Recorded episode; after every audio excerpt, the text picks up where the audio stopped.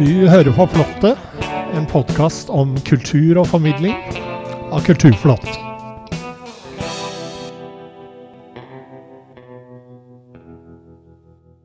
Denne julen har vi besøk av hele 29 artister. De gir oss innblikk i det de liker aller best musikk, formidling og kreativitet. I Flottet har vi også en full adventskalender denne gangen. Hver dag får vi en tekst om mytene ved julen, skrevet og fremført av forfatter, dramatiker og mytolog Terje Nordby. Så her er det mye å glede seg til, folkens. Mitt navn er Bård Andersson.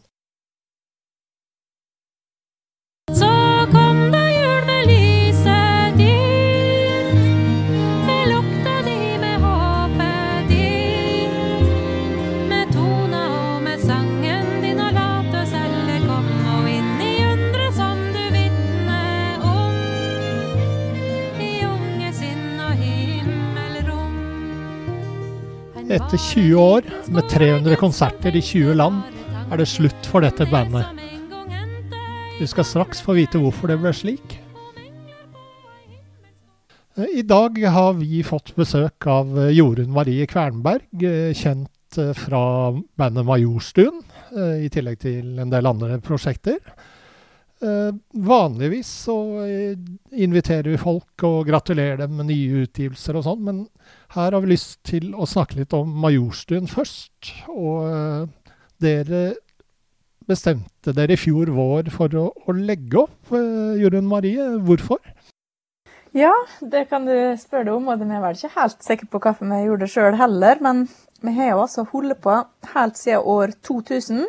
Da begynte vi som ganske så sultne studenter på eh, Musikkhøgskolen i Oslo, med folkemusikk som eh, felt på, i studiene våre.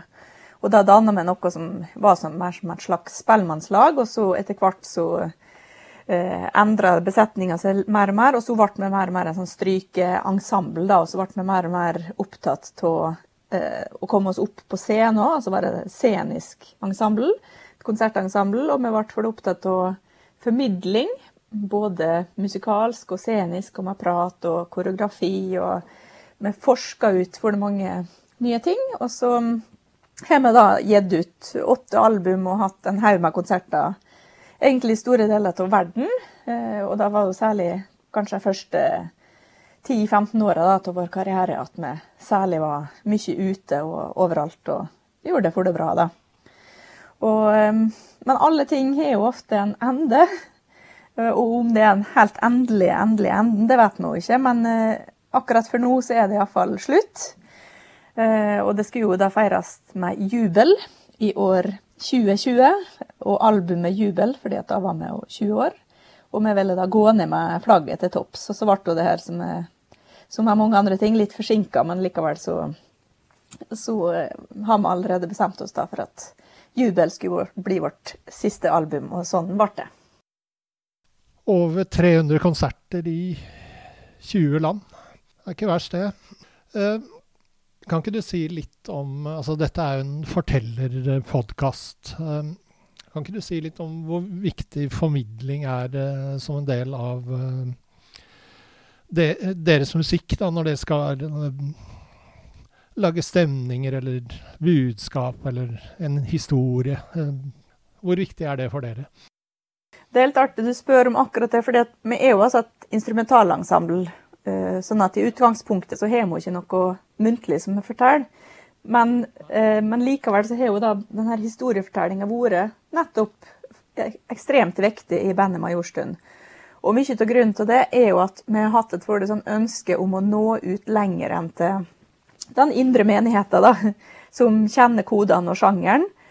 Eh, Og da har vi gjort ganske mange grep, både med arrangeringer for å, liksom, å lage ja, kanskje litt sånn programmusikalsk race i musikken. At det skjer ting, og at du, du får en sånn indre film eh, om ei handling. Og så har vi gjort ulike sceniske ting for å hjelpe publikum enda mer å hekte seg på et eller annet slags indre historiefortelling, eller noe som skjer eh, i løpet av en låt, sjøl om den er instrumentell. da. Og da, Et grep vi har brukt, er å lage ja, det kan være fiktive historier som kanskje egentlig ikke er i hop med slåtten, sånn som en tradisjonelt gjør det med slåttemusikk, men det kan være f.eks. en kamel som vandrer ut i ørkenen, og, og det er så varmt der, og det, du er så tørst, og, og, det er noe som bare går og går, og at det liksom reflekterer eh, noe av en stemning i en låt, og så sitter kanskje iallfall noen av publikum igjen med noen eh, indre bilder da, som ligner på den historien. Og så har vi eh, i, i, en del andre sammenhenger har vi forska mye på det med koreografi. Eh, der vi tar vekk all prat, rett og slett, og bare eh, gjør forskjellige ting på scenen. Det er jo mye humor vi spiller på her, da. dag. men dette er jo òg med på å gi forskjellige ja, gi litt strukturer, litt motstand. Eh, litt lek, litt alvor og lyssetting. Og sånn at det med å fortelle historier gjennom musikken har faktisk vært for det viktig for Majorstuen, og jeg tror det har vært en, en, nøkkel til at vi har nådd ut såpass bredt. Sjøl om vi har holdt oss til ganske smale rammer, for vi har holdt oss til fele og cello og bratsj. Vi har ikke blitt frista til å ha med trommebass eller freshe det opp liksom, på de måtene. Da, som da vi heller eh, holdt oss til den rammen, og så forska på andre sider av formidlingsfeltet. Som låtskriver, eh, hvordan jobber du vanligvis kreativt eh, når låter blir til? Det er ganske forskjellige metoder. Nå De siste åra har jeg satsa mer på komponering som et sånn yrkesfelt. Da. Men ofte så er det jo ganske sånn lekende innfallsmetode. At um, altså, somme tider så kommer temaet til meg mens jeg gjør på noe helt annet, og da og prøver å fange det opp og ta det opp hvis det er noe som fester seg, og så jobbe videre med det. Mens andre ganger så kan jeg kanskje sette meg ned på hjemmekontoret og ha en eller annen plan eller en ramme. Det kan være f.eks. at jeg har en idé om at nå vil jeg lage noe som som ligner på den og den låta, som har noe av de samme strukturene på et eller annet annen musikk som jeg digger. Eh, og hvordan jeg skal få det inn i min sjanger eller min verden, uten at det blir en kopi, men at, at jeg liksom får med meg noe inspirasjon fra noe annet. Da. Eller jeg kan ha ja, ulike typer rammer da, som kan trigge meg til å finne på nye måter å komponere og arrangere på. Og så kan jeg f.eks. skifte instrument. Spille et instrument som jeg ikke behersker så godt for å få fram at det skjer litt andre ting enn det som ligger for det godt i fingrene. Så bruker jeg mye sang på instrumentalmusikk. Bruker stemma mi. Eh, det er jo ikke bare Majorstuen du holder på med. Altså, du er jo i Kviven Duo sammen med Britt Pernille Frøholm. Og så mm -hmm. i mhm. Perleskum bl.a. Flere andre mm -hmm. prosjekter òg. Eh, hvilke planer har du nå for eh, resten av året og det kommende året? Ja, Kviven Duo skal i gang med et nytt prosjekt, som er jo en ganske tradisjonell feleduo. Så vi tar oss mye av tradisjonsmusikken og gjør, og gjør det ganske tradisjonelt. Men det er jo så, en så stor og rik eh, kasse, med skattkiste med, med slåtter og tato og ting som ikke er brukt, og kanskje særlig her på Nordvestlandet, da, som ikke er et eh, så sentralt område i folkemusikksammenheng. Så er det mye mye tato som har vært lite brukt. og eh, ja, Så det skal vi satse på med Kviven Duo, og lete tak i flere skatter herifra. Og um, gruppa Perleskum det er jo da et folkjazzprosjekt hvor jeg sjøl er komponist. Så der er det jo litt min egen lekekasse, da. Og vi får se hvor veien går videre. Det forrige var et prosjekt med Åsmund Olavsson linjetekster. Og ellers så driver jeg mye som komponist eh, i tillegg, da, og komponerer for andre. Og da skal jeg komponere for en akkordionduo nå da i nærmeste framtid. Som heter Storm Duo. Ja. Hva betyr julen for deg? Det er nok så for ganske mange andre at det er mye nostalgi knyttet til jul. Eh, og nå har jeg jo to unger sjøl, som er sånn i barnehage- barneskolealder. Og da handler jo jula for mye om å prøve å gi dem juleminne og julestemning. Og, og jeg jo jeg er jo ofte jeg har sånn motstander av både liksom det å begynne jula i oktober og og dette med halloween og farsdag og alt som lukter sånn kommersielt, har jo vært for sånn skeptisk til og redd for. det. Jeg syns det, det, er så mange bismaker på det.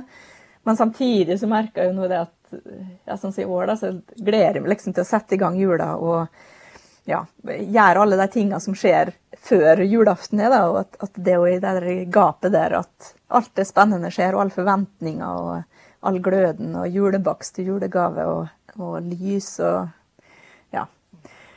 Så det er jo det jeg Nå leter jeg ofte etter julestemninga til mine egne unger, og så, og så finner jeg sjøl julestemning ofte gjennom musikk, da. Ja, sånn apropos det, har du en favorittjulesang? favoritt-julesang? Det har jeg nok òg.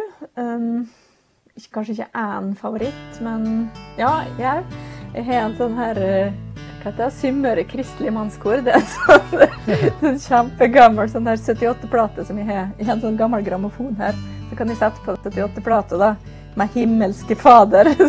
den her så helt dyster ut, men av en eller annen grunn så gir meg den, den skikkelig julestemning. da. Men det er jo sikkert den her uh, voldsomme nostalgien min da, som er til og med nostalgisk til en tid som jeg slettes ikke var del av, liksom.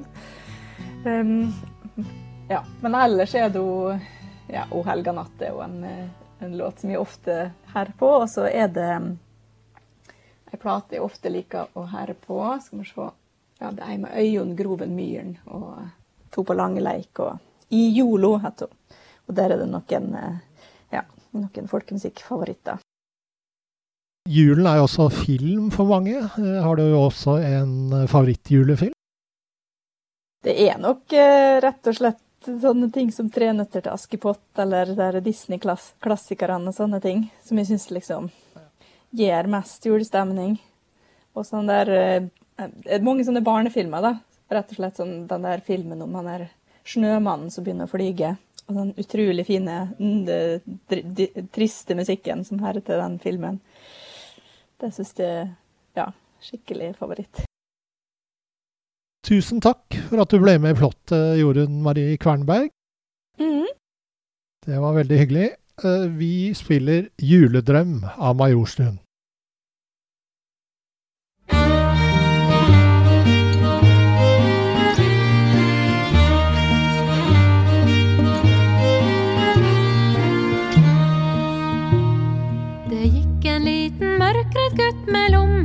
I snøa. Han bar med seg et spann med mjølka bestemor skulle få.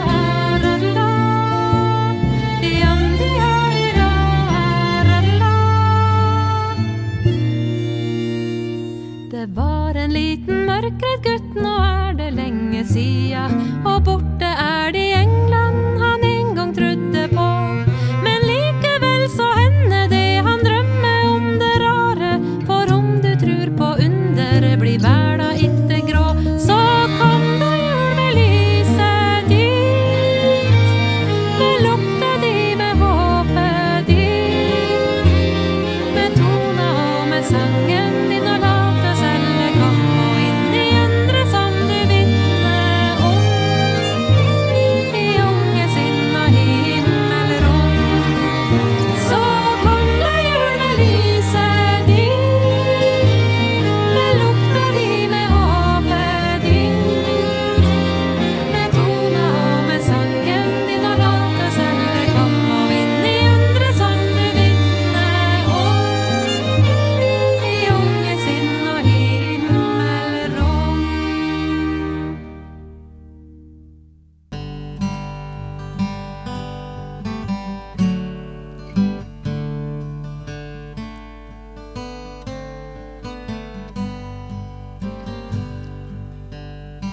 Det er 6. januar, også kjent som Hellige tre kongers dag.